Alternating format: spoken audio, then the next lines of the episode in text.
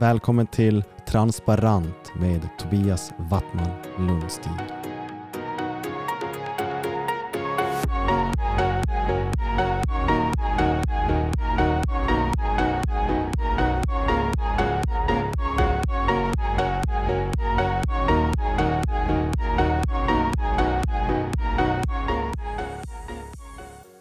Och vad, om du får förklara vad genomskinlig är?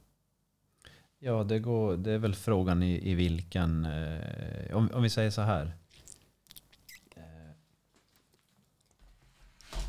om man tänker så här, eller så här tänker jag. Mm. Eh, du är ute och kör med bilen. Vindrutan och sidorutorna är inte nog eh, genomskinliga. Och så plötsligt så händer någonting.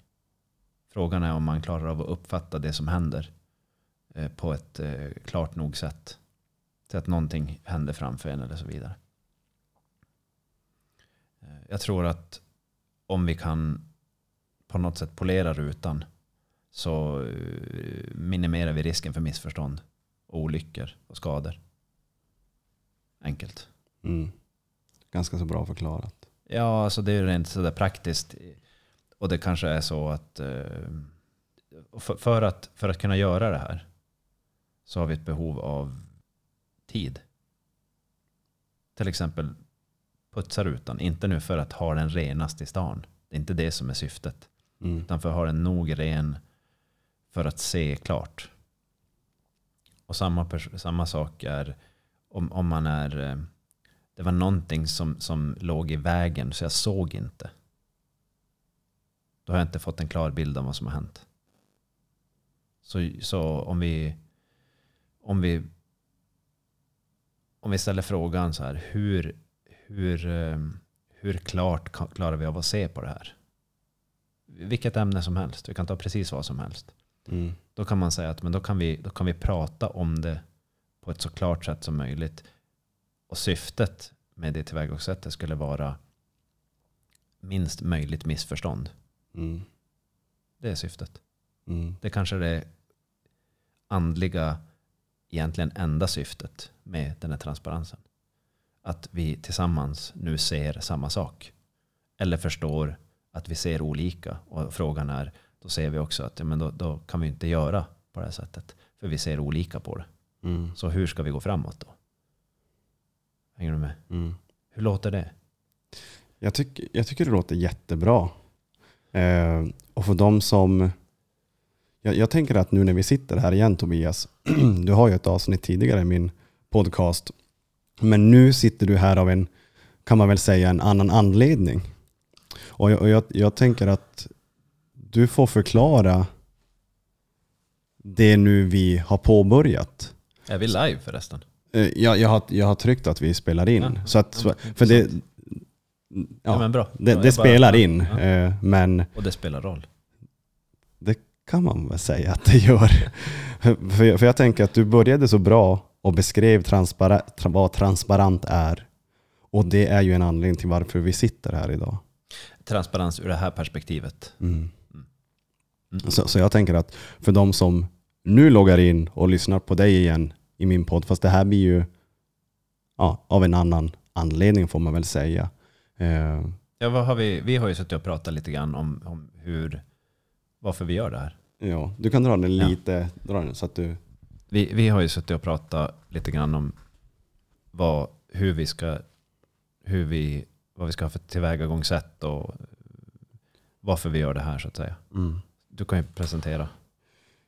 För, för Tobias, du nådde ut till mig och eh, hade en fantastisk idé. Och då har ju vi bollat fram och tillbaka. Hur ska vi kunna få ut den här idén så bra som möjligt? Så Tobias kommer nu att, eh, låt säga, lek med tanken ett halvår framåt, vara en egen kanaliserad kategori under kan jag så kan du. För att nu vill vi nå ut till människor. Tobias sitter enligt mig med en kunskap och ett stort hjärta som jag, jag tycker alla borde ta chansen om de har den att kunna prata med dig. Men det här blir ju ett sätt att de får lyssna på dig och ta in vad du har att säga och få, din, få ditt synsätt på världen och dina perspektiv på världen, på människor och på hela bilden. Mm. Så vi sitter ju här idag och i framtiden för att du vill nå ut. Så känner jag, som man ska förklara det enkelt. Tobias vill nå ut med det här budskapet. Och nu kommer han göra det tillsammans med mig, kanske tillsammans med flera gäster. Nå ut till lyssnarna och människorna. För att vi måste prata mer. Tänk om vi kunde vara lite mer transparenta. Där vi kunde... För det finns så mycket som ligger under ytan. Och och just det här ehm, att prata mer. eh, Snarare att prata mer kan ju vara någon som sitter och håller låda eh, på en fest. Sant. Eller, eller sitter och maniskt babblar för sig själv på en eh, parkbänk. Mm. Det är inte det pratandet och inte ta över rummet för att man har en em, förmåga av att vara duktig på retorik. Utan snarare att tillsammans utforska hur ser vi på saker och ting? Och hur möts vi? Se, så här ser min bild ut för närvarande. Hur ser din bild ut? Och när vi pratar om det så får vi se varandras bilder. Och då får vi plötsligt se varandras... Vi får förstå mer varför saker blir och navigeras på det sättet som det, som det gör. Och förhoppningen, eller förhoppningen, det jag ser i mitt arbete varje dag, det är att när vi tittar på saker ur ett transparent perspektiv så blir människor eh, lättade över att få se att du, du sett, vi kan tillsammans nu förstå någonting jag inte förstod tidigare. Eh, Du, du sätter ord nu på saker som jag inte har kunnat sätta ord på. Så vi utforskar eh, ett tillvägagångssätt att gå framåt.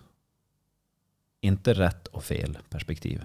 Utan snarare hur ser du? Hur ser jag? Vart befinner vi oss då? Mm. Vart befinner du dig? Vad har du för behov? Och så vidare. Man kan ta det hur långt som helst. Mm. Men däremot om vi säger att eh, vi tar bort måsten. Vi tar bort rätt, vi tar bort fel. Vi tar bort alla krav. Och så säger vi, och så ställer vi frågan istället. Hur ser du på det här? Och så får personen säga hur de ser på det.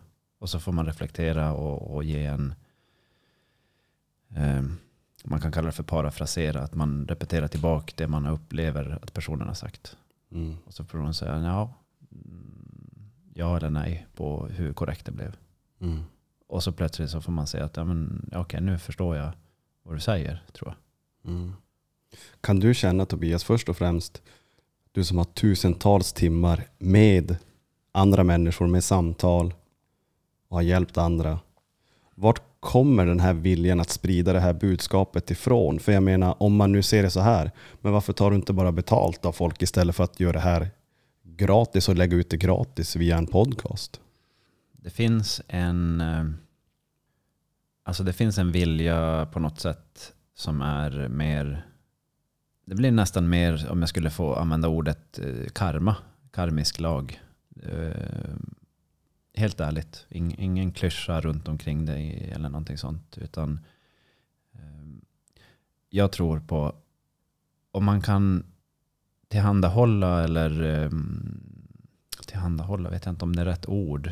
Men däremot om man kan vara i en, i en sfär eh, där jag personligen dels trivs av att vara i. I, för, i ett eh, samförstånd. Så eh, jag mår väldigt bra av det.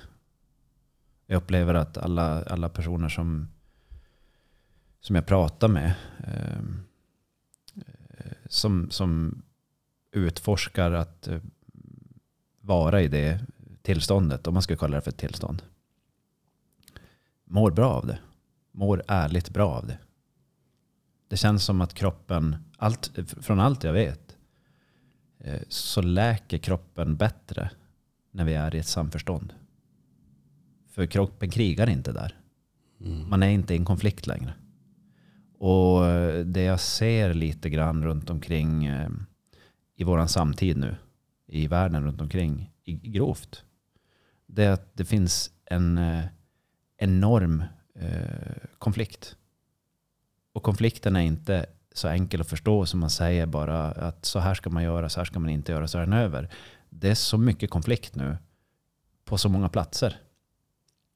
Det är så mycket information, det är så mycket olika idéer, det är pandemier, det är sjukdomar, det är under eh, Eh, det är brist på personal inom vård, det är eh, samhällsfunktioner som kritiseras att de fungerar inte, det är krig i länder, det är eh, ekonomikriser, det är finansiell, ja, finansiella ekonomiska kriser. Ehm, det är energikriser, allting känns som att det eskalerar. Det blir mer och mer våld enligt vad nyhetskanalerna, den informationen som kommer genom media. Och eh, allt det här upplever jag kan leda till en, en stor frustration.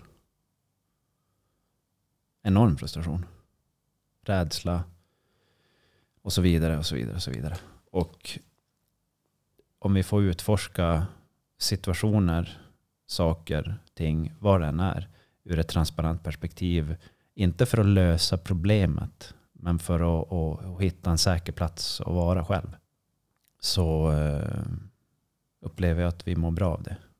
Och därifrån kan vi navigera framåt. För eh, vi, tar person, vi kan ta ett exempel på en person som är, säg någon som har eh, gått in i väggen.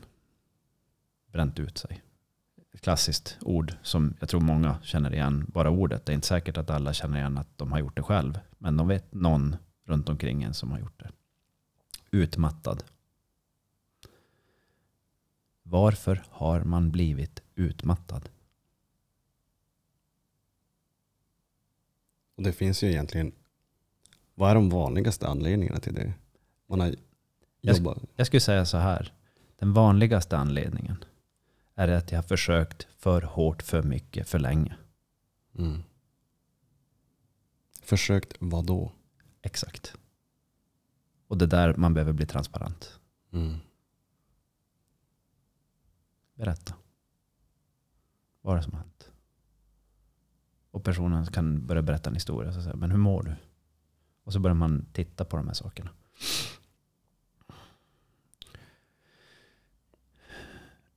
Har man hanterat, vi leker med tanken att du har, jag brukar göra ett experiment med en del personer som eh, säger så här, men vadå, jag gillar ju att ha många bollar i luften. Och så jag säger, ja, ja, ja, okej. Ska vi testa, göra ett experiment?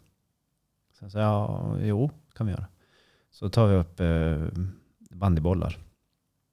Och så ställer vi oss mitt i rummet som jag har på jobbet. Och så kastar jag bollen fram till dem och säger så här, ta emot den. Ja, så kasta tillbaka den. Så kastar de tillbaka den. Så kastar man den fram och tillbaka några gånger. Så säger jag så här, hur känns det där? Ja, jag vet inte, det känns väl helt okej, säger de. Ja, då tar vi upp två bollar, så kastar de. Så ökar vi den här mängden bollar till, när det kommer till fyra bollar, då börjar det bli väldigt komplicerat för de flesta. Då behöver man mycket träning. När vi tar fem bollar, då behöver man ännu mer träning. Sex bollar, då behöver du vara en cirkusartist. Och till slut så bara faller alla bollar. Vad var det som hände? Men det går inte, säger de. Det, det, och så bara, vad upplever du för känslor? Jag blir arg, säger de. Jag blir frustrerad, säger de flesta. Varför blir du inte glad? Nej, men vad fan. Det kan ju inte bli så. Det, det är den vanliga bilden. Och så ställer jag frågan så här, vad, vad var det som hände? Och då är det så svårt att förklara vad det var som hände. Och då brukar jag säga, det känns som att det var för många bollar. Men du trivs ju med alla bollar. Så vad var problemet? Hur låter det där? Min första tanke är så här. Om det finns någon som lyssnar nu och tänker så här Tobias. Ja men det där var ju bara ett löjligt exempel på bollar i luften. Det går inte att anamma i verkliga livet.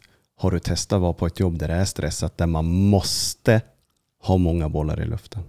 Så jag tänker hur, det här exemplet som du beskrev, Mm.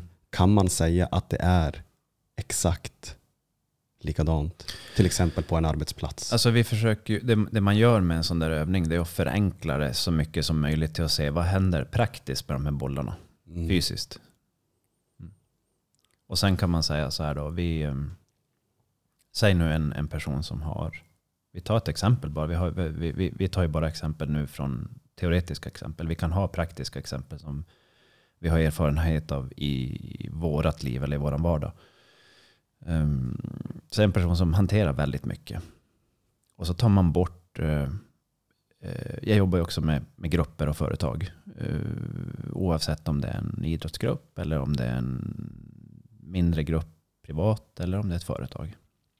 Kan komma in och, och ja, helt enkelt jobba med mig.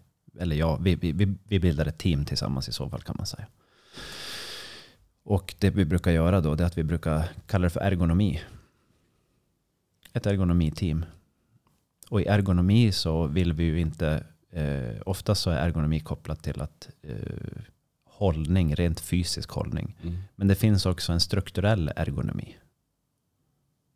Så som jag ser på det. Vill du förklara?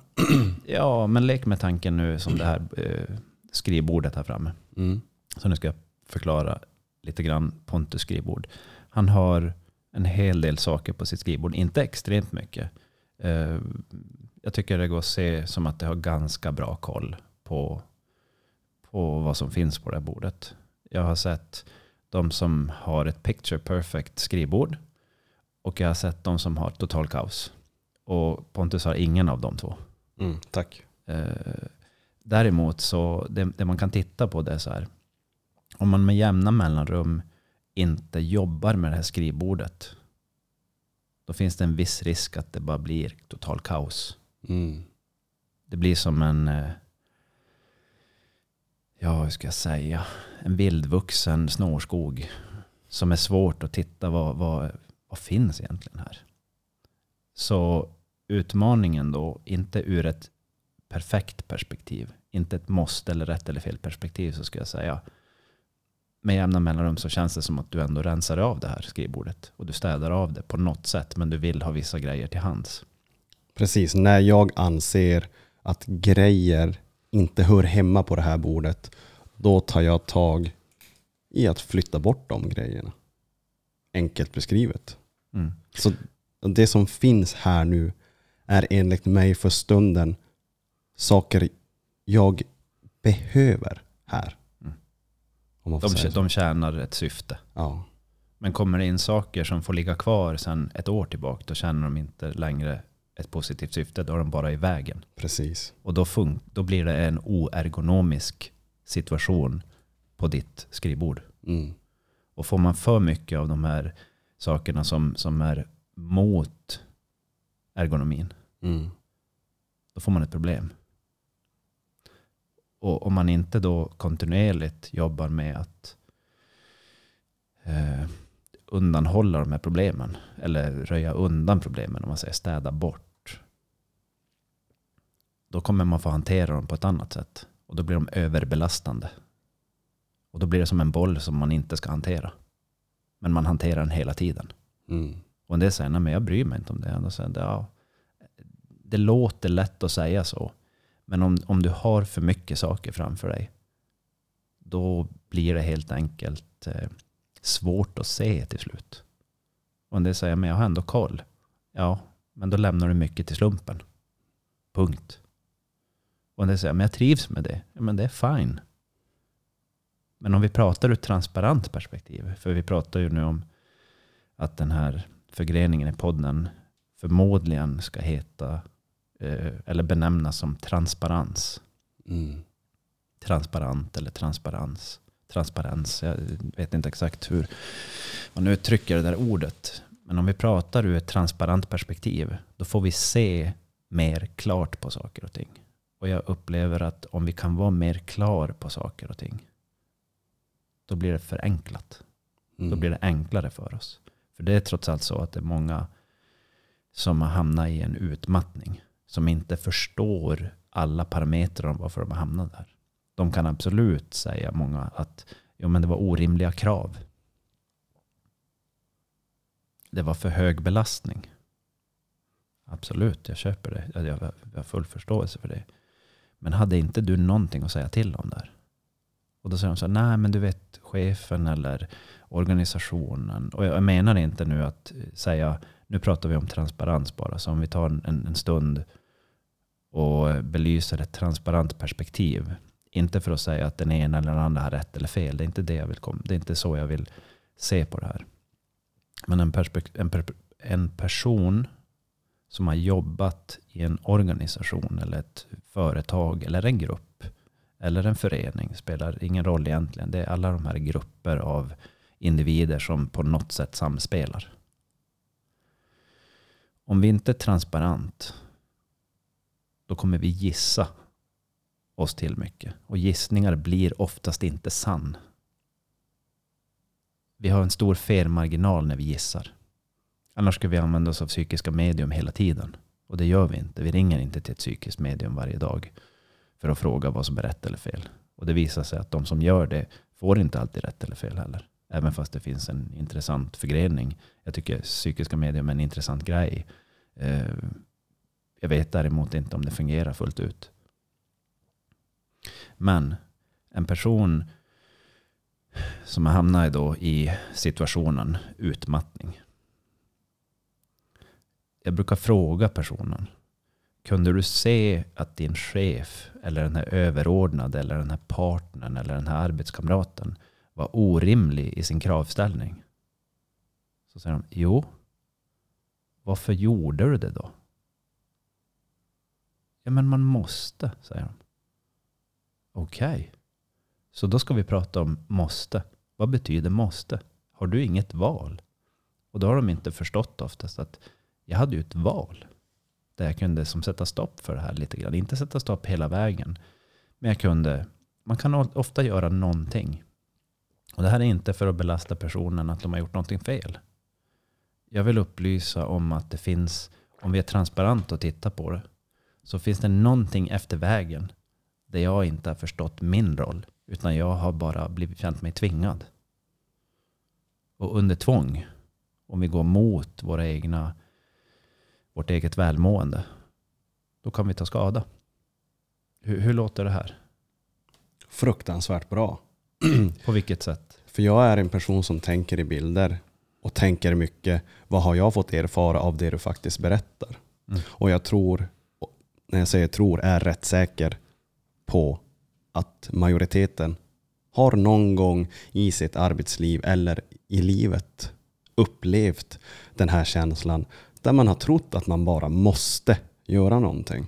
Att man är utan, måste är ett krav utan, ett en regel utan undantag som säger att det ska gå åt det här hållet. Precis. Och man kanske tror att man inte har några andra valmöjligheter. Mm. Eller kunna mötas någonstans. Mm. Utan man bara, man bara köper allting. Mm. Vilket sen slutar med att det går emot ens eget välmående. Så jag tror Mm. många känner igen sig där. Mm. Och, och liksom av allt det som... Eh, en, en, en utmaning med det här. Eh, och det är kanske den största utmaningen vad jag ser. Det är att allting i samhället, eller allting, det är fel, eh, väldigt fel beskrivet av mig. Väldigt mycket i vårt samhälle rör sig i så snabb takt. Allting ska gå, allting, väldigt mycket ska gå så fort. Men ur det här transparenta perspektivet så, så släpper man gaspedalen. Man bromsar inte ens, utan man bara lägger i ingen växel. Så tänk att ni kör en bil nu. Och så går det jätte, jätte, jättesnabbt. Du behöver inte bromsa. Lägg bara ur växeln fri och så bara rulla och se vad som händer. Det som blir så frustrerande för många, det blir att ett snabbt problem ska ha en snabb lösning.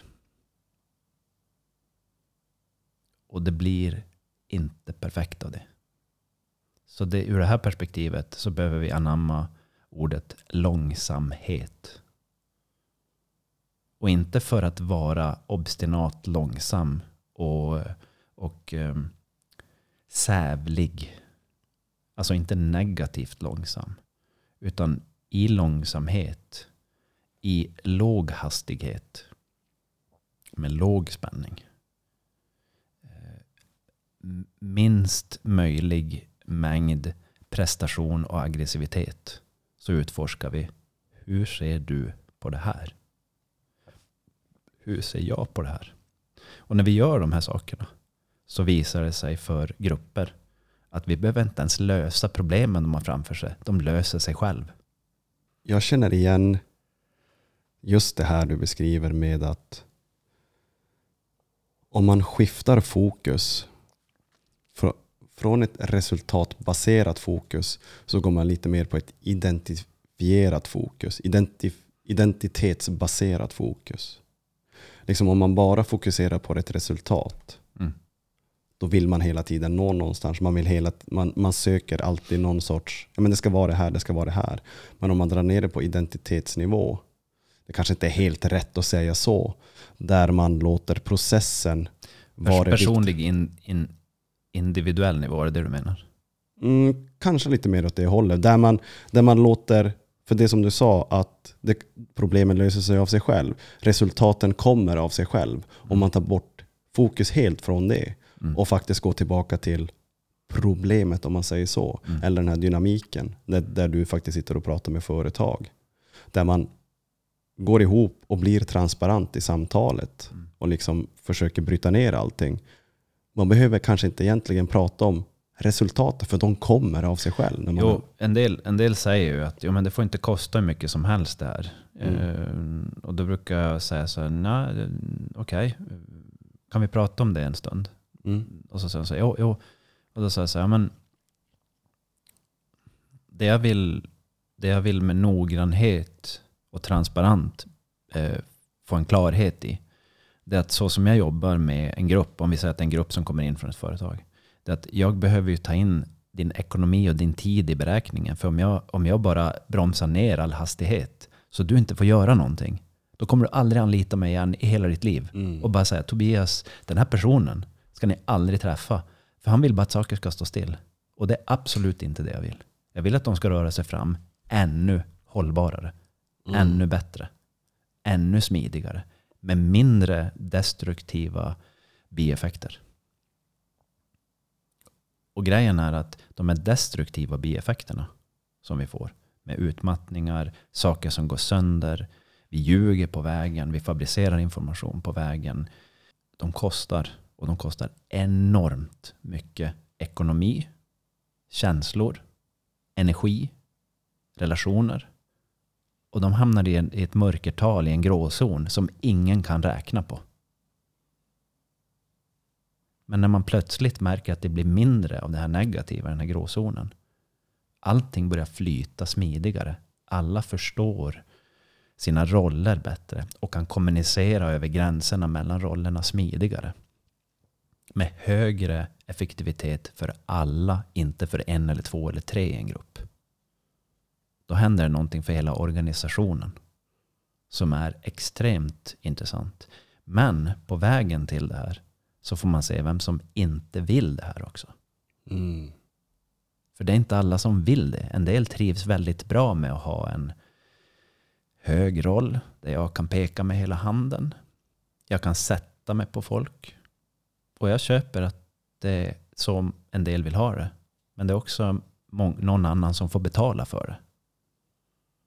Och de som vill ha det som jag beskrev där just innan, om det nu är någon som egentligen vill ha det om man säger så. Men till synes finns det en del som verkar vilja ha det här hårda. Jag har träffat några stycken i mitt liv som verkligen jag upplever vill ha det så. Och de, de kommer inte jag jobba med så mycket. Mm. Men det är de som vill förebygga det här. Och få, om vi leker med tanken att vi pratar om en motor nu. Motorn har många kuggar och drev vilket drev är det som, eller vilken kugg, eh, kugghjul är det som är viktigast i motorn? Mm. Eller är alla lika viktiga? Vem bestämmer vilket som är viktigast? Exakt. Det kommer fram i samtalet. Det finns ju absolut hierarkier på saker och ting. Mm.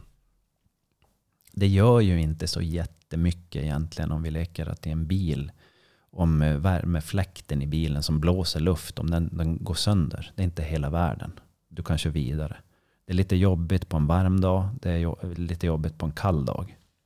Men bilen dör inte av det. Men går däremot eh, kamkedjan av, en av länkarna i kamkedjan, för att vi har inte riktigt kollat de är nog starka.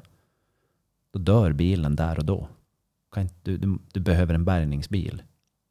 Så på så sätt så är ju um, kamkedjan, kamremmen, kugghjulet som, som driver allt det där. Det är ju viktigare då i hierarkin än eh, fläktmotorn som blåser varmluften. Men i det stora hela i bilen så är båda lika viktiga i långa loppet. Fast på olika sätt. Mm. För som sagt, testa att köra ner eh, en bil. Eh, testa i, i sommar för skojs skull. När det blir den varmaste dagen på hela sommaren. Och så testar du bara slå av din eh, eh, kupéfläkt. Och så leker du att den är trasig. Och så tänker du att du ska köra ner till Skåne. Och så har du inte själv bara i bilen. Du tar med dig två kompisar som har två barn med sig. Och de här barnen ska vara ganska unga. Det blir en tuff resa. Det blir det. Så plötsligt så funkar bilen. Men det är som så här, men Pontus åker vi aldrig med igen. Mm.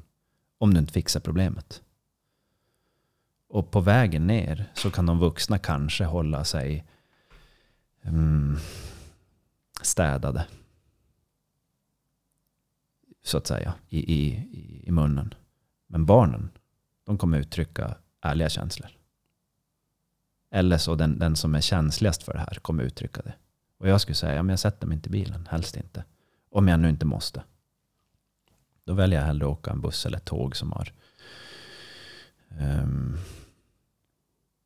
Ett fungerande. ja, fungerande. Och Mm. jag, vid ett tillfälle när jag var yngre, yngre, jag börjar säga det nu, jag fyller 45. När jag, när jag var yngre så var vi i, vi reste till Thailand, jag och ett par kompisar. Och så ska vi från Thailand sen till Australien. Och det var vår första stora resa som vi åkte på. Och eh, då när vi, när vi reste från, eh, jag tror det var Bangkok, så skulle vi ta en buss till någon ö någonstans. Så eh, jag kommer ihåg när vi hoppade på den här bussen, så jag tror det var det där vi var. Då eh, hoppade vi på bussen, tänkte inte så mycket på det och så eh, längst bak i bussen så luktade det väldigt, väldigt illa alltså. Och då visade det sig att toaletten hade lagt av. Men folk hade ändå gått på den där toaletten. Och så var den så full så det gick inte att gå på toaletten igen. Den var trasig. Och den här bussresan har satt sig i mitt minne som är så här, det, det där var så otrevligt. Alltså det var, oj, det var, alltså urin och avföring som, som luktade genom bakdelen av bussen där vi satt. Och jag var så pissnödig. Alltså jag var så pissnödig så att jag höll på att explodera. Och det kändes som att jag hade... Alltså för mig så blir det som att jag får nålar i urinblåsan. Och jag sitter där och bara kniper och kniper och kniper och tänker så här, ja ja, men det funkar. Men idag så vill jag helst inte sitta på den där bussen. Så, så den här bussen fungerade inte riktigt så bra. Men det berättade ju ingen åt oss när vi skulle hoppa på den. Mm. För då kanske vi inte hade hoppat på den. Så då handlar det om att säkert få in, ja, de vill sälja biljetter och tjäna pengar. Men hade inte tänkt att fixa toaletten innan vi hoppar på den. Mm. Det jag menar här att om vi, om vi en gång är okej. det är ju till och med en rolig historia. Men när det börjar bli för ofta att vi hanterar sådana här saker. Och så börjar det bli så här, det här är min, mitt hem, min plats. Och så får det fortgå. Det kräver väldigt mycket att ha det så. Och då är det väldigt lätt att säga, men det, det, det är lugnt. Ja, men vi pratar om det en stund. Och så ser vi vad vi kan göra. Vad som kommer fram. Då visar det sig att för de flesta så har de som är sti- de här stinkande toaletterna lite överallt. Mm. Ett företag har nu, inte rent nu sina toaletter stinkande, men man har folk som inte dels förstår sin roll eller någon som inte får eh, nog med eh, någon som ska utföra ett arbete som inte får eh, antingen befogenheter, eller, befogenheter nog eller eh, eh, medel till att genomföra det de behöver. Men ändå så har de kravet på sig att göra det. Vilket i sin tur ofta leder till en extrem frustration. Och den frustrationen kommer visa sig på något sätt. Och den visar sig över tid som en utmattning. Mm. Om en person inte får eh, nå ut med det där. Så det är ett sätt man kan bli utmattad på. Om du har en person som har gått så långt, som har varit i det här och har nu blivit utmattad. Det jag personligen får höra är, men hur tillåter jag mig själv att köra långsamt? Hur tillåter jag mig själv att vara här? Vart jag inte ska prestera någonting. Mm. Alltså jag- det handlar ju inte riktigt om att inte... Det, det, det, är ju, det är ju, man går så långt ifrån extrem prestation som möjligt och går mer mot precis prestation. Mm. Så man bromsar in det och det blir som en mental träningsprocess. Så om vi leker med tanken att eh, jag, jag- brukar ofta ge reflektion tillbaka till mitt eget liv för att visa att dels är jag människa. Och det är skönt, ty, tror jag, att sitta framför en människa när man pratar om en människa. Inte en gud eller en perfekt guru. För det existerar. Jag tror inte det existerar. Mm. Det, det kanske finns gudar lite här och var. Det kanske finns gu, gud och gudar. Men jag är inte perfekt.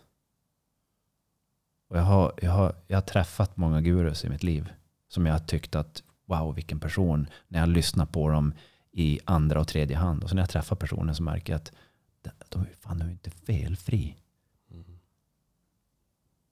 Men jag, tidigare i mitt liv så trodde jag mer att de var felfri. Men de var inte det. Så det var min miss av verkligheten. Och de var inte nog ärliga med att säga att Hör du, jag är inte felfri. Men de, ibland ville de framstå som en felfri person.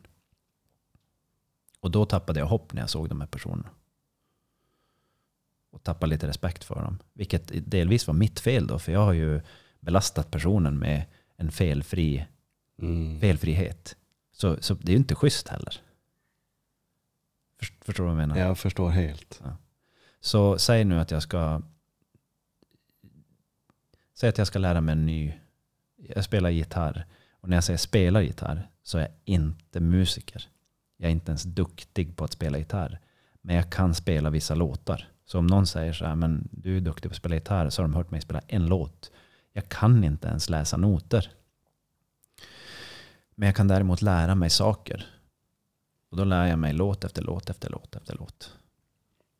Och jag tycker att det är trevligt. Men spela i ett band skulle inte fungera för mig. För jag är inte så duktig så att jag kan vara en i bandet och anpassa mig.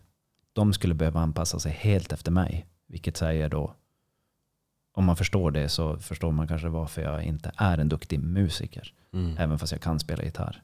Så om jag ska lära mig en ny låt, då, behöver jag, då, har, jag ett, då har jag ett sätt att, att, att göra det. Och det första jag gör är att jag säger, den här vill jag lära mig, det här blir kul. Men när jag säger att det blir kul och jag får upp energin för att lära mig den, så behöver jag bromsa mig själv och säga, nu blir det skitjobbigt. För den kommer förmodligen vara mycket svårare än vad jag tror. Och varje gång så är den så svår så jag ger nästan upp.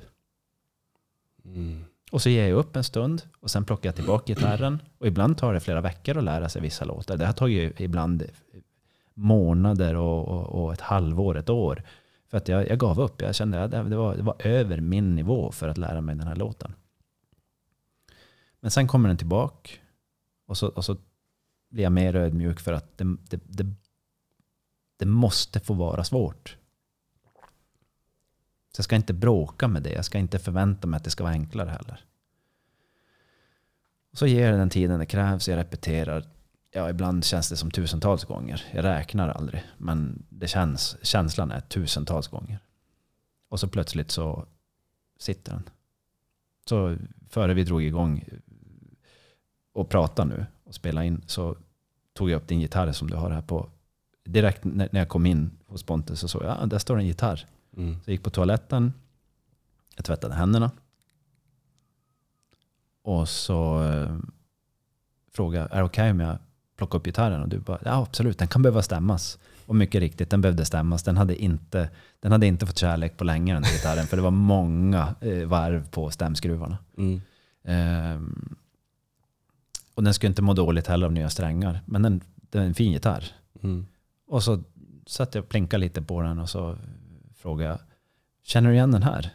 Och så började vi sjunga tillsammans till och med. Mm. Vad var det för låt? No woman, no cry. Bob Marley. Bob Marley. ja.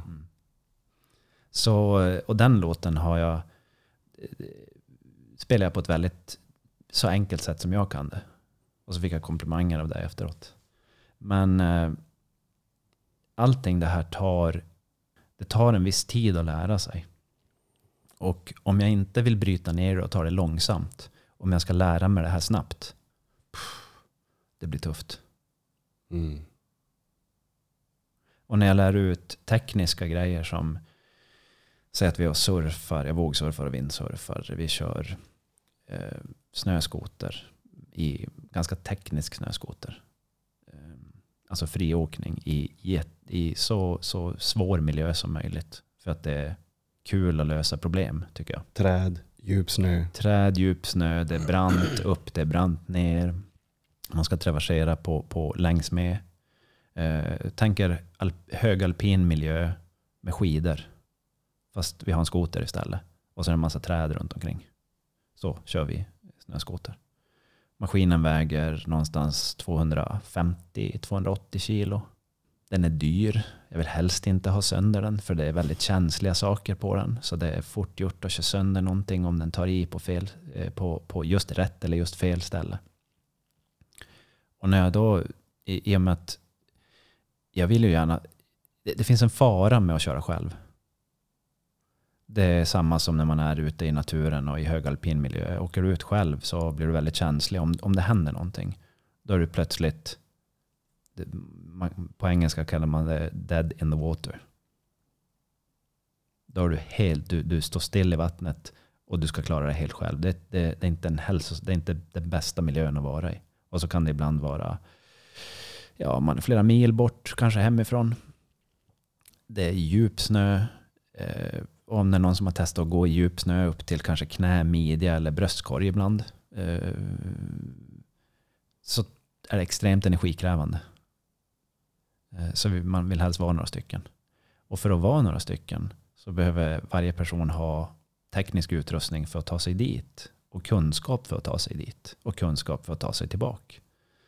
Och när man då ska ha den här gruppen som har det. Oftast är vi två, max tre personer. För det är, det är inte så lätt att få tag i folk som vill göra de här sakerna. Då, då brukar jag ibland, det, det, finns jätteduktiga åkare. Det finns jätteduktiga förare. Men de som jag umgås med, de är inte de duktigaste. Så då brukar jag säga, men jag håller i lite teknisk, tekniska uppdateringar, clinics, workshops. Som, som, och så ger jag lite tips om hur man kan tanka. För jag har varit väldigt mycket i alpin miljö. Jag har vuxit upp i högalpin miljö, bott i fjäll, bott i alpmiljö. Levt på skidor och snowboard. Det var typ allt jag ville va- göra när jag var ung. Jag, jag var helt övertygad om att resten av mitt liv är på en skida och en snowboard. Nu visar det sig att jag vill inte ens stå så mycket på en skida och en snowboard längre. Um, men däremot så kör jag snöskoter. Jag kör enduro och sådana här saker på somrarna. Men då eh, brukar jag bromsa upp de som vi är och kör med. Och så, och så om det är någon som är, inte är tekniskt duktig nog så brukar jag stanna och så säga så här. Skulle jag kunna få ge dig ett råd?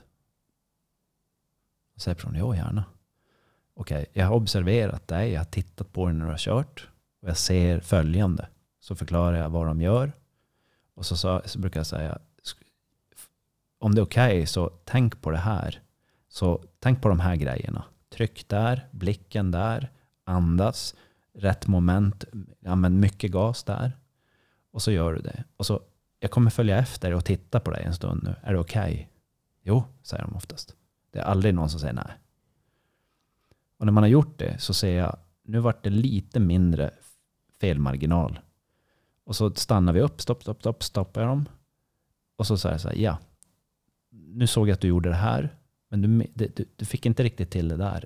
Gör det och var noggrann. Och, så, och när du gjorde det där, oftast till exempel luta sig väldigt mycket, vända blicken bort ifrån dit man är på väg och ge mycket gas. Och en, mm, skotrar är ju väldigt kraftiga fordon.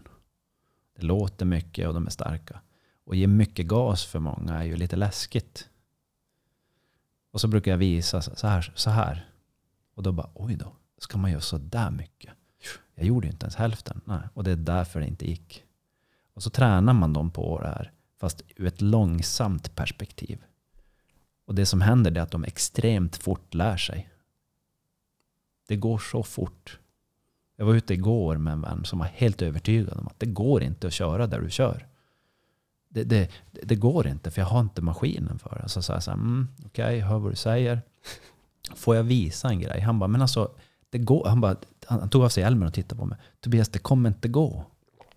Okej, okay, jag hör vad du säger. Jag tror bara att, får jag visa vad jag menar? Och så drog vi lös hans skoter. Och så körde jag upp för en, en brant, inte nu något så här våldsamt för att vara våldsamt som prov. Vi skulle bara ta oss upp över ett berg. Ett litet berg faktiskt. Och så sa jag så om det är okej okay, så lånar jag den här maskinen så ska jag bara visa en sak. Han bara, ja, ja, helt klart. Och så drog jag iväg upp, tog mig upp hela vägen och så åkte jag ner och så vände jag. Och han bara, ja, okej, okay, nu förstår jag. Du, alltså, du, du höll ju mycket hårdare på gasen än vad jag gjorde. Ja, och det, om, om, om man är för eh, lite för försiktig, då kör du fast. Och det är också utmaningen när man eh, ska bromsa in de här samtalen och perspektiven. Och det, får jag, det har jag fått ställa mig själv den frågan. När jag sitter i en grupp med oftast bara män som är företagsledare, de har kanske hundra personer anställda under sig. Och så säger jag åt dem så här, ni rör er lite för fort framåt vi ska bromsa in det här och prata om det här perspektivet, långsamhet och så transparens. Då blir det som så här, ja, men vi vill ju ha det här. Det ska hända grejer. Man bara, lugn. Vi kommer dit. Det är lite läskigt för att då ska, man, då ska jag i så fall, i det här perspektivet, hjälpa dem att nå en plats där de inte har kommit själv. Och det är oftast, det kan vara fem personer som sitter i det här rummet med en. Och så säger man säger att ta det bara lugnt. Om det är okej okay, så ska vi testa det här. Och så målar jag upp lite parametrar, regler för rummet. Och så sen ska vi lära känna varandra. Och då är det som så här, nej men alltså, vi känner redan varandra. Ja, det är vad ni tror. Men det är någonting hos varandra som ni inte känner. Och det är det som ligger till grunden för varför problemen inte löser sig. Så när vi är transparent så är vi transparent mot varandra och våra egna liv. Hur jag ser på saker och hur det har blivit så.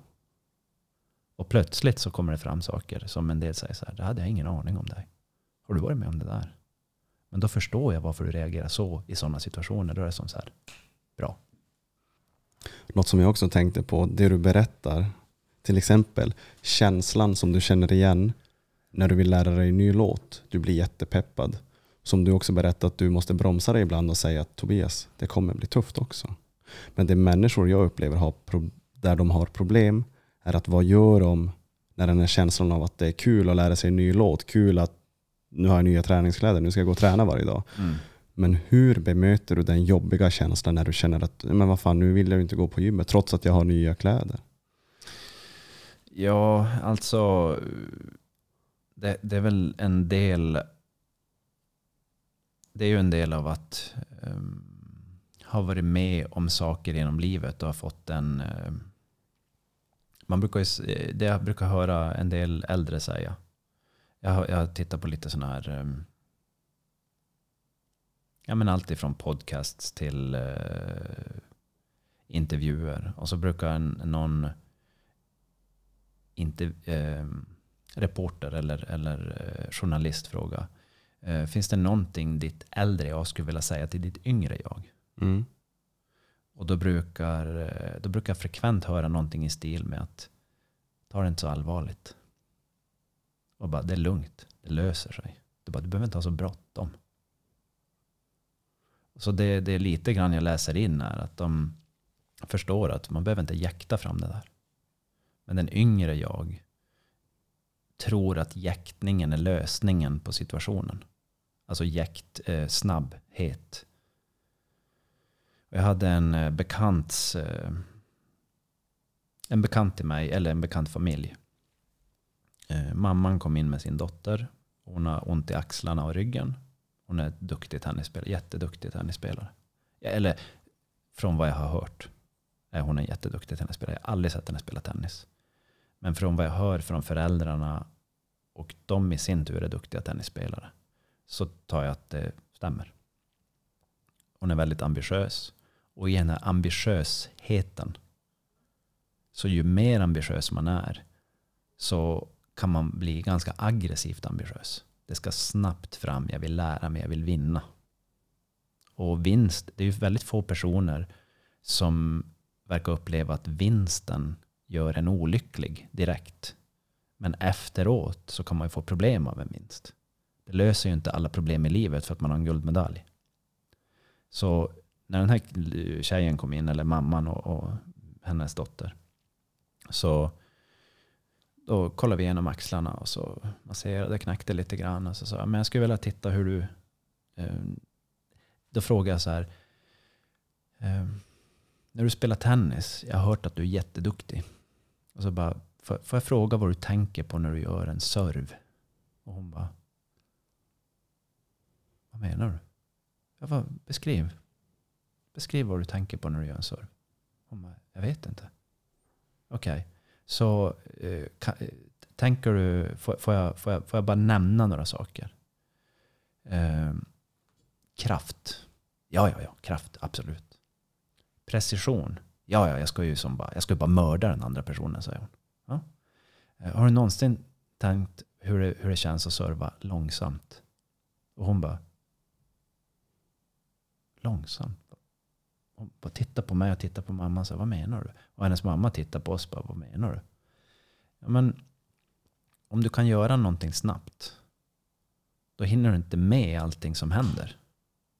Men om du kan bryta upp det långsamt, då får du se alla parametrar. Och så får du se vad det är du gör och vad du får för konsekvens. Vad det blir för effekt av det. Och en del säger bara, men det behöver jag inte göra för jag är ju bra på det. Men varför har du då fått ont av det? Ville du få ont? Nej, det vill jag inte. Men svara på, till, gärna svara till mig om du kan. Varför har du fått ont? Men det är därför jag är här, så jag. vet inte exakt. Och det är det vi ska hitta så du förstår. Så då när vi började, och då, då, då gav jag en, en, en eh, vanlig eh, rörelseövning att göra med axlarna. Och så sa jag så här, och så gör, jag ska visa övningen. Och så gjorde jag den långsamt. Det är några, några rörelsesegment i den övningen. Eller delar av övningen. En väldigt enkel övning. Och när hon skulle göra den så sa hon så här, ja, hur ska jag göra då? Och då har den som tre steg. Och så sa jag, steg ett, pum, small händerna dit. Det var som bara så här. Steg två, steg tre. Och jag bara, oh shit alltså. Det var, oh. ja, jag vart helt stressad när jag såg den, för det gick så fort. Då bara, eh, och så sa jag åt henne så här, eller berättade åt henne, det jag ser när du gör det där, det är följande. Och så sa jag ett. Och så gjorde jag så en, en, en som jag hoppade upp och bara sträckte på armen. Och ut med armen. Steg två. Och så började hon asgarva och la sig bara sparka på golvet. Och jag bara, varför skrattar du? Känner du igen dig? Hon bara, jo, jo. Och då är det så här, ja men det finns ett behov av att lära sig att röra sig långsamt. För om du inte får lära dig det, då vet du inte hur du, hur du, eh, hur du reparerar kroppen efteråt. För återhämtning är långsam prestation är snabb. Oftast. Men om vi får lära oss att prestera långsamt så kan vi också prestera snabbt. Då kan vi välja. Och när vi, när vi kan välja de här sakerna då blir vi hållbarare om vi kan gå från långsamt till snabbt och snabbt till långsamt. För ibland så har vi ett behov för att röra oss jättelångsamt. Har vi någonsin varit i en konflikt med någon, så ju snabbare man rör sig i en konflikt, ju snabbare ökar konflikten. Man löser sällan konflikten genom att röra sig snabbt. Däremot kan man muskla över människor snabbt. Eller saker och ting. Men övermusklingen får oftast en bieffekt. Mm. Någonting som jag tänker på eller söker just nu av det vi pratar om idag. Det är tillåtelsen till sig själv att jobba långsamt oavsett vad det är. Mm. Att acceptera sig själv, att man duger som man är. Att träna långsamt, att uh, inöva en ny rörelse långsamt. Vi, Hur... vi började ju dagen med långsamhet du och jag. Mm, Vi skulle träna tillsammans. mm. Hur kändes det? Bra. Varför? Kan du beskriva bra? För bra är ett komplicerat ord. Jag behövde det. Kändes det som. Är det jag kommer på just nu. Mm. Vad mer? Söker du någonting mer? Nej, egentligen inte. Nej. Varför hade du, eller jag, om jag får ställa lite frågor. För då, stå, Ja. nu, nu söker vi transparens Mm. tillsammans. Yes. Så om du beskriver, vad, av vilken anledning känner du att du skulle, du beskriver det som att du ha- hade ett behov för det? Kan du utveckla det? Jag tänker direkt på helgen som har varit med lite sömn och mycket jobb. Kan du beskriva vad du har gjort den här helgen? Jag eh, steg upp klockan åtta på morgonen på lördag för att jag skulle upp och eh, vara DJ då på den här hockey game som har varit i Norra Hamn nu i Luleå. I Luleå. Och, så, och det var ju en dagsturnering då där jag ska sköta musiken. Så jag stiger upp klockan åtta på lördag morgon. Mm, spelar fram till klockan tre på dagen när ho- hockey games är över. Har eh, fått ett samtal av eh, krogägaren i Kiruna och sagt att de inte har en DJ på lördag natt. Jag får ett erbjudande jag inte kan tacka nej till. Som du inte vill tacka nej Ville tacka nej så precis som jag inte ville tacka nej. det här är en intressant grej nu. nu. Nu när vi sitter i det här samtalet så nu, nu så valde vi att gå in på transparens. Ja. Och då är det så här, jag fick ett, jag fick ett erbjudande jag inte kunde tacka nej till. Mm, Är det sant? du har helt rätt. Jag ville inte tacka nej till det erbjudandet. Ja. Så jag åker direkt efter turneringen då i Norra Hamn. Sätter mig i en bil upp till Kiruna. Kommer fram bara två timmar innan det är dags att gå på. Mm. på krogen och spela. Så jag spelar fram till klockan tre. Jag Riggar ihop grejerna. Ju- Skriver ut mig, snackar lite med ägarna. För jag måste ju sätta mig i bilen direkt efter klockan tre på natten. För att köra ner till Luleå. För jag ska ju spela på söndag igen på dagen. Klockan nio ska jag vara i hamnen igen. Så jag kommer fram till Luleå där kring halv åtta. Åker direkt ner till hamnen. Försöker sätta mig och vila på en stol. Det är inte så lätt att somna på en stol trots att jag varit vaken nu i drygt 24 timmar. Så jag sover ingenting på cirka 36 timmar så jag spelar ju på söndagen också. Och sen tog kollapsade jag i sängen där klockan sex igår då. Mm. Och vaknade idag klockan, vi skulle träffas åtta så jag ställde klockan på sju. Mm. Så jag sov i drygt 12 timmar, lite mer. Och så kommer du och erbjuder, eller ja, vi kommer fram till att vi kör en yoga idag. Mm. Och just när vi har gjort klart den så kände jag, jag behövde det. Men innan kände du, då, då ställde du frågan så här, vad, ska vi svettas eller ska vi lyfta tungt? Mm. Och då, i, i och med att jag hade haft en, en fysisk helg med, vi var ute ungefär, jag vet inte om vi körde 10 mil. Mm. Men 10 mil på en snöskoter i djup snö är ju inte 10 mil som på en väg. Mm. Utan det, det är ju ungefär kanske som 40 mil, Mm. ska jag gissa. Ungefär. Ja. Ja, nu bara uppskattar jag. Det, det, är så, eh, det är så annorlunda miljö att köra i. Mm. Så att, men, så man kan räkna i timmar istället. Så vi var ute ungefär i åtta timmar och körde hela under helgen. Fyra timmar lördag, fyra timmar söndag. Tror jag. Kanske lite mer. Mm. Och min granne som var med. Eh, världens bästa granne brukar jag kalla han. Gimmo. Han är, vi, vi har en annorlunda kroppsform. Och en annorlunda vikt. Så jag är lättare. Och är lite mer slimmad.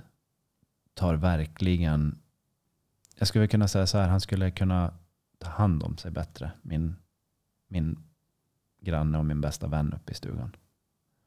Um, sen så ser hans liv ut som hans liv ser ut. Men däremot när han var med första dagen och körde så klev vi upp nästa dag. Gjorde sig i ordning och så gick jag över till honom och så frågade Ska du med? Och han tittade på mig med ögonen nästan i kors och sa nej. Så jag, och då sa han någonting som, som jag tänkte på. Han bara, jag klarar inte av det. Sa han. För han hade så ont i benen för att han hade så mycket träningsverk. För han har inte aktiverat benen på det där sättet på väldigt lång tid ska jag säga. Och jag förstår honom. Själv så var jag bara, men, hoppa ut som en liten påskhare. Ding, ding, ding, ding, hoppa på skoten och så drog iväg med Christer, min andra vän. Då. Men det jag tänkte på när du berättade om, om du åkte upp till Gällivare. Kiruna. Kiruna. Kiruna. Mm. Och, eh, och så spelade du och så säger du så här. Och så eh, hoppar du in i bilen för du måste köra tillbaka.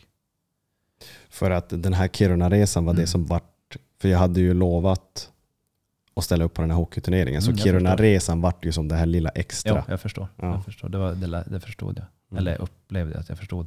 Mm. Och dock det jag undrar, när man säger en sån här sak som jag, måste, jag var tvungen att hoppa in i bilen och köra. Så det, är oftast, det man oftast gör i det här transparenta perspektivet är att man byter ut måsten och är tvingad till om jag har ett val, varför valde jag det? Varför mm. gjorde jag det? Varför gjorde jag det där? Och då, är det, då är det, det blir lite banalt i början. Men den där banalheten leder till mer transparens. Mm. Så om du skulle byta ut, jag, jag, jag, var tvungen att hoppa in i bilen. Jag, till, jag valde att hoppa in i bilen på grund av, och så utvecklar du. Mm.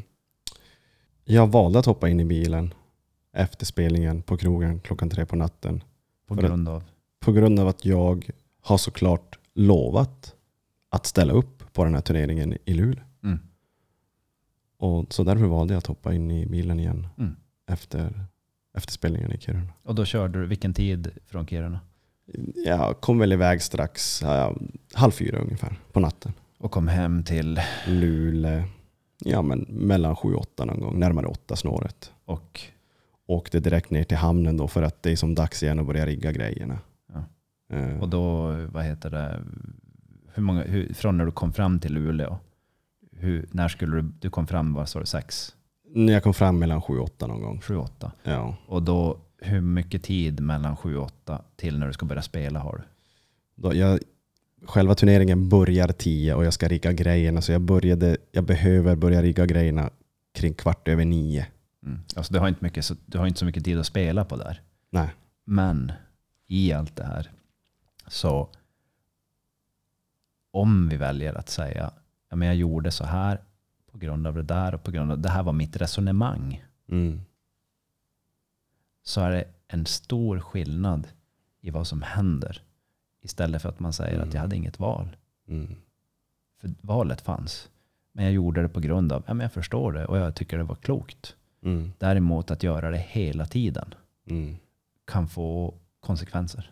Mitt resonemang var ju också det att, eh, för jag har ju varit DJ just på den här klubben i Kiruna i åtta år nu. Mm. Och de stänger eh, 31 mars för att Kiruna flyttas ju ny, eh, från gamla centrum ner till nya mm. centrum. Och klubben har inte någon lokal mm. förrän januari 2025. Så det kommer ju vara stängt i cirkus 20 månader. Mm. Och jag har valt att lägga ner min DJ-karriär efter 31 mars. Mm. Och de här ägarna har alltid ställt upp för mig med vad som än har hänt i mitt liv. Mm. Eh, så jag kände att jag vill ställa upp för dem, för det är inte länge kvar. Jag har en spelning kvar på den här klubben och det är sista dagen, 31 mars. Jag, jag, det, det, som händer nu, mm. när du berättar det här, det är att jag får mer förståelse för dig. Precis. Mm. För, eh, för, för, när du säger måste innan, mm. var tvungen, så tar det stopp där och så det, finns ingen mer information att hämta. Precis. Men det finns information som är relevant till varför du, ja, bla bla bla, bla så vidare. Mm. Det är det här som vi får reda på om varandra när vi ur ett transparent perspektiv är närvarande med varandra. Mm. Och det som händer efter det, det är, ja, ibland är det nästan magiskt. Mm. Man känner ju bara av att jag också skiftade där. Mm. När jag valde att berätta så. När du fick mig att berätta så. Att jag hade val hela tiden.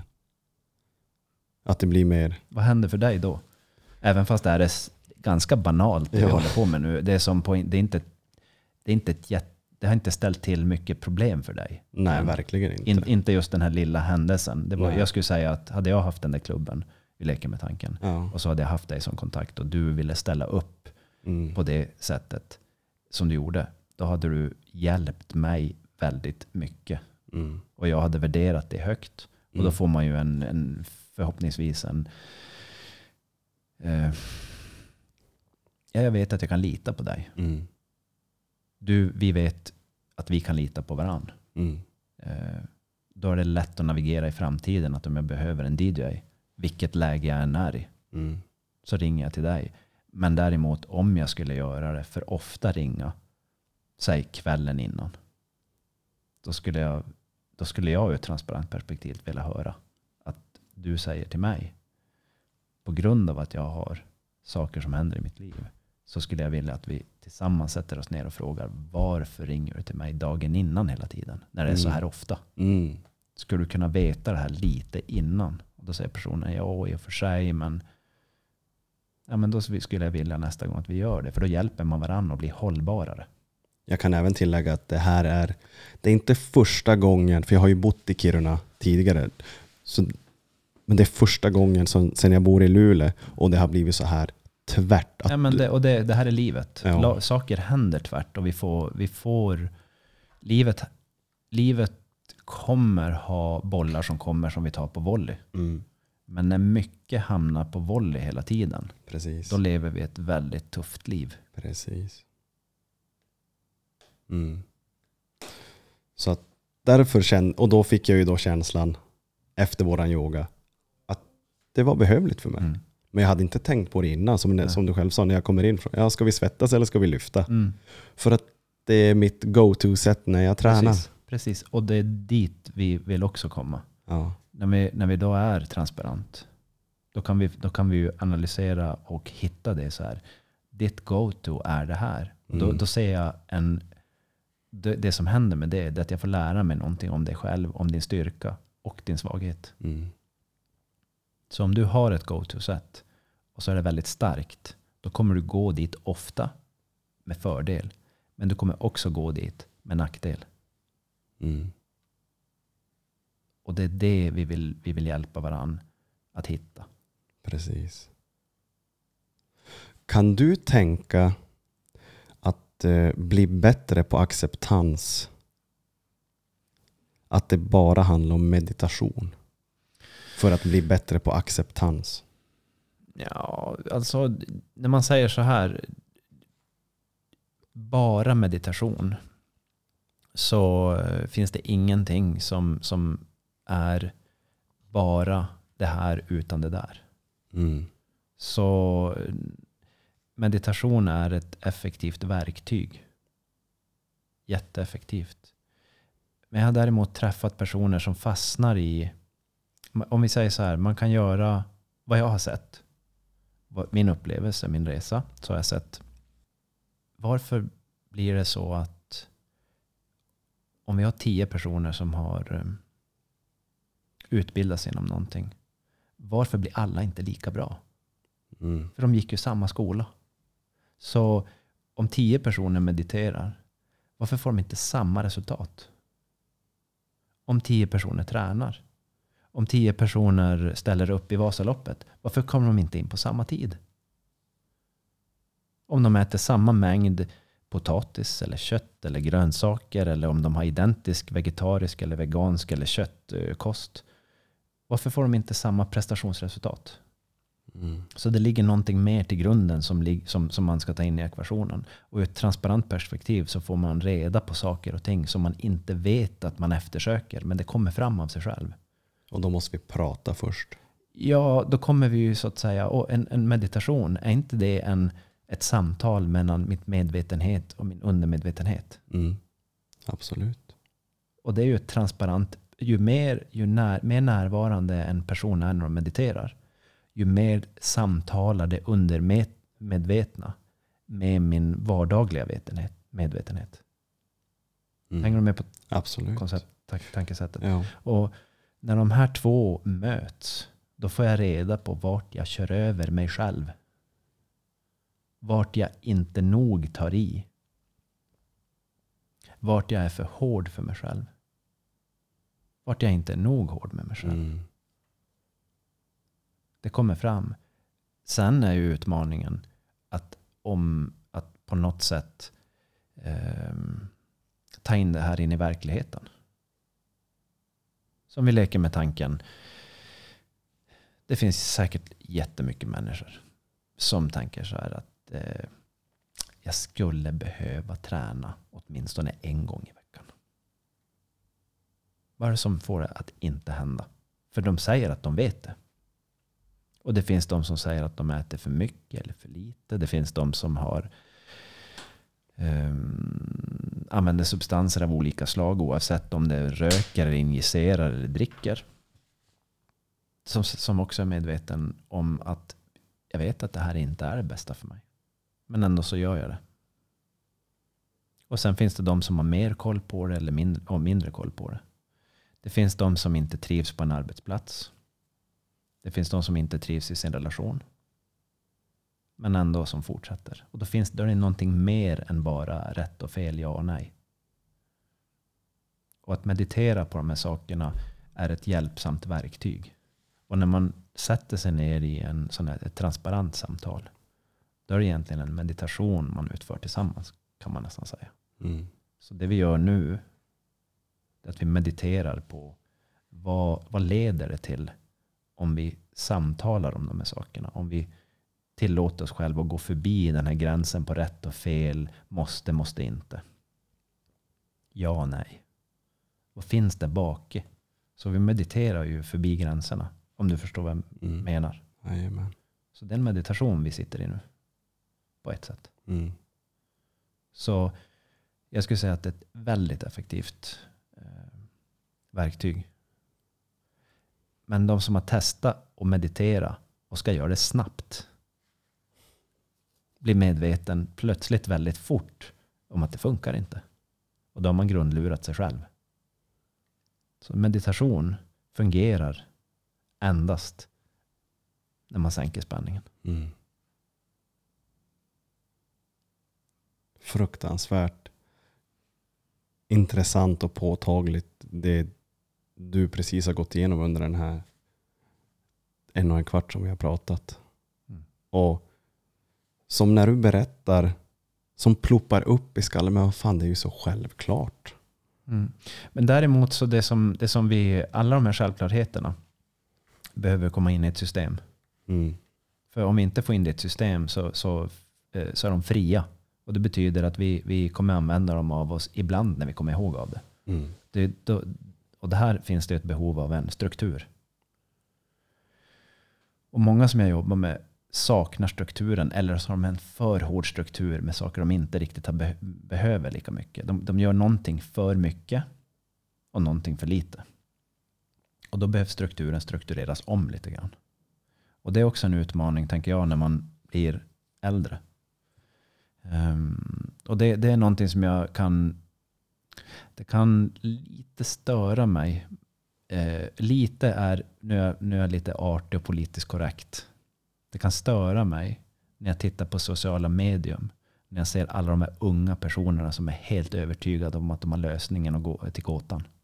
Och så berättar de bara så här och så här, så här ska man göra, så här och så här, så här. Och så ser man hur otroligt mycket följare de har. Och så kollar jag på dem och så tänker jag, men personen är bara 20 år. Det är inte möjligt att de kan allt det här. Så det är någonting som inte stämmer. Och så börjar folk lyssna på dem. Och jag säger inte att de har fel för, oss, för att klanka ner på dem. Jag säger bara att det är orimligt att de på något sätt kan knacka gåtan till livet. Mm. Nu, nu pratar jag i rätt stora ord sådär, men det finns för mycket lögn, fabrikation på de sociala medierna. Och man är så öppen för em, att bli påverkad av det. Och eh, så länge som jag håller på, alltså under tiden jag har rest i livet och, och det har jobbat med människor, så är det inte så enkelt som man får det att framstå på ett socialt medium. Det betyder inte att man ska ge upp hoppet. Det betyder bara att det är lite mer komplext. Det betyder att det är fler delar som samspelar med varann. Och jag såg en, eh, jag är inte så jätteaktiv på sociala medier. De, de som, som, jag vet inte om det var du som sa det, att men du syns ju aldrig på sociala medier. Jag bara, nej men jag är inte där. Jag, Mm. jag får lite så här klåda av det. Mm. Jag skulle behöva en antihistamintablett för jag ger mig in på ett socialt medium för att det, det är en märklig värld. Så ser jag på det. Och eh, då var det en, eh, jag läste lite grann av, det var någon som höll på med, så här, han hade skrivit någon bok, så här, det, typ så här, det här är fem steg för att vara lycklig och framgångsrik eller någonting sånt. Det låter ju skitbra. Fem eller tio steg eller vad det var. Gör det här och du blir ostoppbar. Jag vet inte hur många gånger jag har hört det. Typ hack your brain, hack your mind, hack your bios, hack your bla bla bla. Och alla de här grejerna. Och så typ så här unstoppable, eh, uh, undestructible och allt vad de då kan komma på för kraftiga ord. Och det var det någon som hade skrivit den här boken och har en podcast och de har miljontals följare. Och så hade han skrivit enkla grejer så här. Och så var det en person som skrev så här i ett kommentarsfält. Alltså allting det här är så logiskt och enkelt om du bara har dig själv att tänka på. Mm. Vad händer när man har tre barn?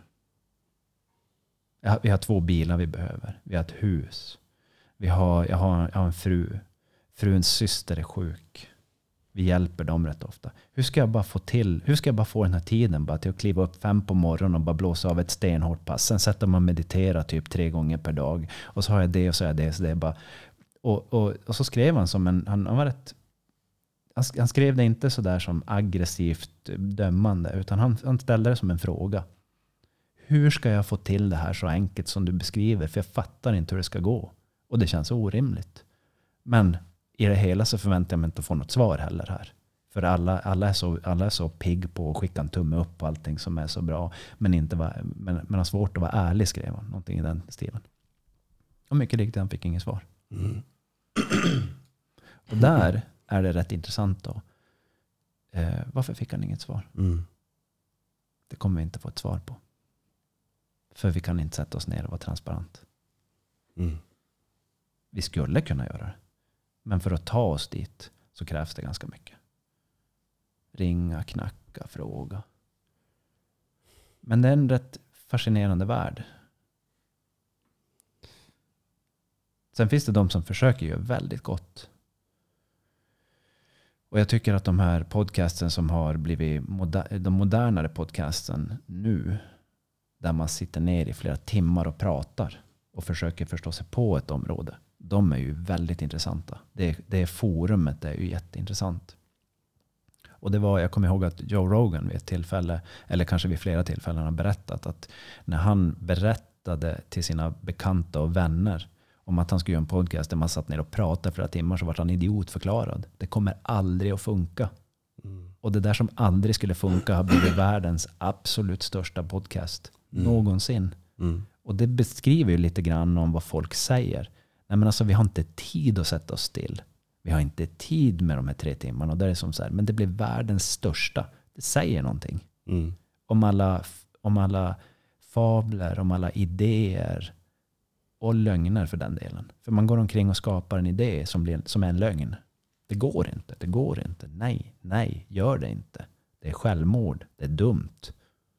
Det är idiotiskt och så bara, boff, världens största. Det säger någonting. Just det där känner jag igen mig med. För att i början, för jag har ju också långa avsnitt i min podd. Mm. Det har skiftat mycket där i kritiken jag får. Jag får ofta god kritik. Men i början var det mycket, varför har du så långa avsnitt? Jag hinner inte lyssna klart på dem. Ska du inte dela upp dem i delar? Mm. Till att det sen skiftade utan att jag gjorde motstånd. Jag var okej, jag hör vad du säger. Till att det nu, wow. Det där visste jag inte om den personen. Wow, har den personen gått igenom det? Och har helt nu tappat, jag får aldrig höra något mer. Wow, varför har du så långa avsnitt? Nej. För man vis, det som händer i det här eh, forumet där man får sitta ner, där vi får sitta ner, där personerna får sitta ner och prata igenom saker och ting. Det är att det kommer fram en klarhet. Mm. Och det är det som vi har saknat väldigt länge i snabba klipp. Mm. I eh, nyheten, bara pang, pang, pang. Och så är det som så här, men har du hört vad som har hänt? Man bara, eh, alltså, om någon har blivit skjuten, bara, alltså, allvarligt. Eller har det hänt? Eller har det hänt? Bara, men vet ni någonting om situationen? Nej, men jag vet att det har hänt. Mm. Och det är nog för mig. Där så, nej, men det är inte nog. Nej. Dessvärre så är det inte det.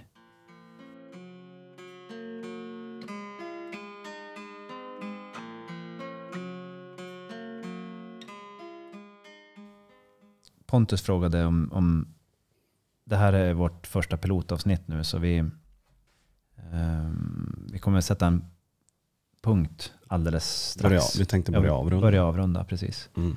Eh, och då, då frågade Pontus, är det, känns det okej att avrunda? Jag sa, ja, men jag, jag, har ingen, inget manus eller ingen mer agenda mer än att nå ut. eh, och, och se vad som händer. För det här verkar vara ett, ett viktigt område som är ganska obelyst. Mm. Ehm, och och då, då, då pratade vi lite grann om det när, när eh, inspelningen var avstängd. Men det hände någonting i samtalet som fick mig att säga så här, men slå på, sam, slå på inspelningen för det, det, det här är viktiga grejer. Mm. Eh, och då frågade han, vill du tillägga någonting? Jag sa, nej jag vet inte, det är kanske bara bra att säga att vi kommer prata om de här sakerna ur ett transparent, eller vi kommer prata ut om transparens, eh, klarhet inom en massa olika områden. Vi kanske kommer till och med ha gäster, jag har ingen aning vad vi, vad vi tar för oss. Mm. Och då, då, då sa jag, och, och då vet jag inte exakt hur vi kom in på det, men ehm, vi pratade just alldeles nyss då om, eh, jag frågade om det var bra, kändes okej och jag vet inte exakt vad du sa, men, men Spännande, jag är fåordig men det är spännande. Ja. Och då kom vi också in på just det här att eh, hur tillför man sin del till Mm. det här? Och då sa jag att ja, men det är intressant, det, jag uppskattar dig Pontus som person. Mm. För vi har, vi har ju träffats bara några få gånger nu, men jag tycker du är behaglig att vara i närheten av. Mm. Och Jag tycker du är artig, jag tycker Mm. du är, ja, men du är trevlig. För mig är du en jättetrevlig person. Mm. Sen finns det saker, säkert saker i ditt mörker i dig som, som eh, behöver komma fram och som kanske inte alltid är det vackraste. Och, och samma lika för mig och för alla andra människor. Men om vi transparent kan titta på det så får vi ju jobba med de här sakerna som vi alla behöver jobba på. Och då sa du någonting, för då sa jag så här. Eh, jag uppskattar dig, jag uppskattar det här forumet vi är i. Du har den tekniska utrustningen. Vilket jag har ett behov av. Mm. För jag kommer inte skaffa den själv. Eh, Inte den närmsta tiden i varje fall. Eh, Så jag uppskattar den du är och det du har byggt här. Eh, För det är många som skulle vilja bygga och de pratar och de gör det men de får inte till det. Och de personerna vill inte jag samarbeta med för då får jag gå omkring och vänta och bli frustrerad. Så jag är tacksam över att jag fick möta dig och det här mötet, varför vi lärde känna varandra nu, det är på grund av Jonas. Mm. Jonas Johansson Asp som jobbar som, han har bland annat avstampet och jobbar, jobbar med missbruksproblematik. Eh, väldigt trevlig medelålders man. Han har ju även ett avsnitt i min podcast jo, också. Han, han har också det. Men det är han som, som ledde till, han ringde till mig en dag och ville att jag skulle kontakta dig eh, och ni hade pratat. Ja. Och eh, då gjorde jag det på en gång. Och så, allting gick väldigt enkelt då. Och så gjorde vi ett avsnitt. Och då, ställde, då kom vi till någon intressant grej. Då säger du så här. Vad var det du sa?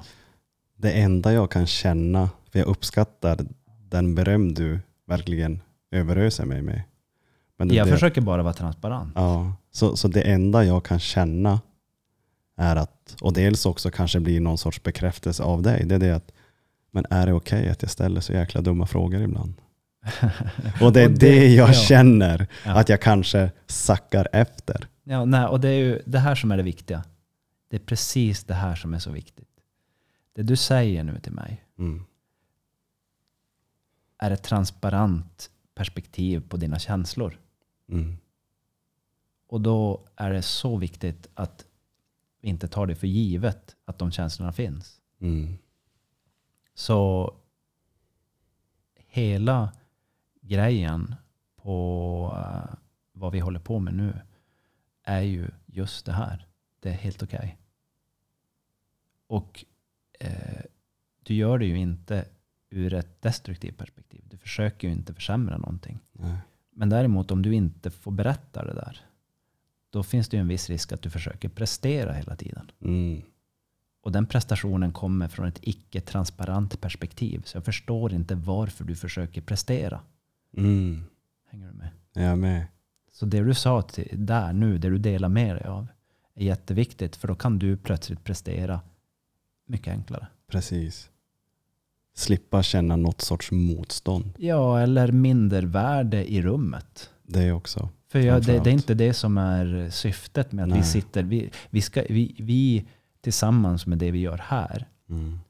vill jag helst inte ska hamna på att jag hamnar i någon form av maktposition över dig för att jag har någon form av formell längre tid i livet eller mer erfarenhet om inom, inom ett fält. Utan jag vill att vi tillsammans utforskar. Det är ungefär som att vi sitter i en båt tillsammans. Det spelar ingen roll vad vi har för eh, examen. Mm. Vi sitter och fiskar och metar abborre och mört just nu. Ingen är mer värd än den andra. Ingen är bättre än den andra. Utan vi utforskar bara. Mm. Så helt, det är, dina frågor är, och jag har inte ens tänkt på dem som att det fanns en dum fråga någonstans. Jag, tyckte det, jag tycker de här frågorna kanske är vardagliga, alldagliga och tillhör livet. Mm. Men tack för att du ställer frågan. Absolut, för det jag kan ta med mig av min, mina timmar av allt poddande är ju det att jag har ju fått en lärdom av att hur ska jag ställa frågorna för att så många som möjligt kan förstå dem. Mm. Och så på något sätt då kanske förenkla dem. Och Och ibland, jag har ju inte alla svar. Det är jätteviktigt. Vi Mm. söker ju. precis. Vi, däremot så kan vi säga, känns det som att det där var transparent? Känns det som att det där var genomskinligt? Mm. Eller finns det någonting mer där som vi inte förstår? Det, det är ju så jag jobbar som människa. Jag förstår inte riktigt. Men jag eftersöker inte för att gräva. Jag är inte en grävande journalist på det sättet. Mm. Men de försöker också hitta sanning.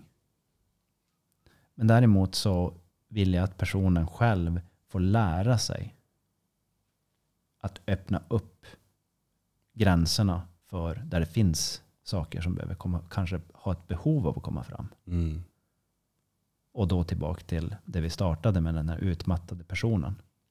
Precis. Om personen inte får vara ärlig och förstå så finns det risk att när de blir bra igen, om de blir bra, så repeterar de samma problem igen, Mm. igen och igen och igen. Det är faran. Nej, jag är, hur känner du efter vårat pilot? Jag tycker ett jättetrevligt samtal. Jag, jag hade kunnat fortsätta i, vad har vi suttit? En och en halv? Jag hade kunnat fortsätta i en och en halv timme till. Jag är inte ens hungrig. Jag, men vi ska iväg och äta lunch. Ja. Så jag, jag är helt nöjd. Jättenöjd. Eh, Det kändes behagligt och transparent. Mm. Ja, verkligen. Tack. Tack själv. Ja. Och eh, nu har vi börjat på det här och vi ser vart det leder. Ja, tack för att du finns. Hur svarar man på, alltså hur, hur, hur svarar man på den? För jag, kan, jag har ju inte gjort någonting för att finnas. Hur Förstår du vad jag hur, menar? Hur vet du det? Jag är inte så, vad kallas det när man, Andlig. andlig. Jag är andlig och spirituell av mig. Men jag tror inte att det har, att jag har gjort någonting kanske i något tidigare liv. Men Eller- måste du prestera för att ta emot det? Nej. Nej, det måste jag inte. Nej, Jag tänker att ehm, jag säger det för att vara eh, både artig och ärlig. Ja, För att det finns. Så eh, ta, ta bara emot det. ta emot. Bli bättre Och- på att ta emot det. Ja. Och tack detsamma. Ja. För det, du väcker låg, en, en låga i mig som, som, som jag också har sagt åt dig tidigare är ja, viktig minst sagt. Jag, jag blir, den- tillfredsställer mig Mm. och det behov jag förmodligen har. Så tack. Ja, tack själv. Ja, vi är båda tacksamma. Ja. Men eh, då säger vi på återseende till er där ute. Ja, Så åker vi och käkar. Ja. Bra. Bra. Hej då med er. Hej.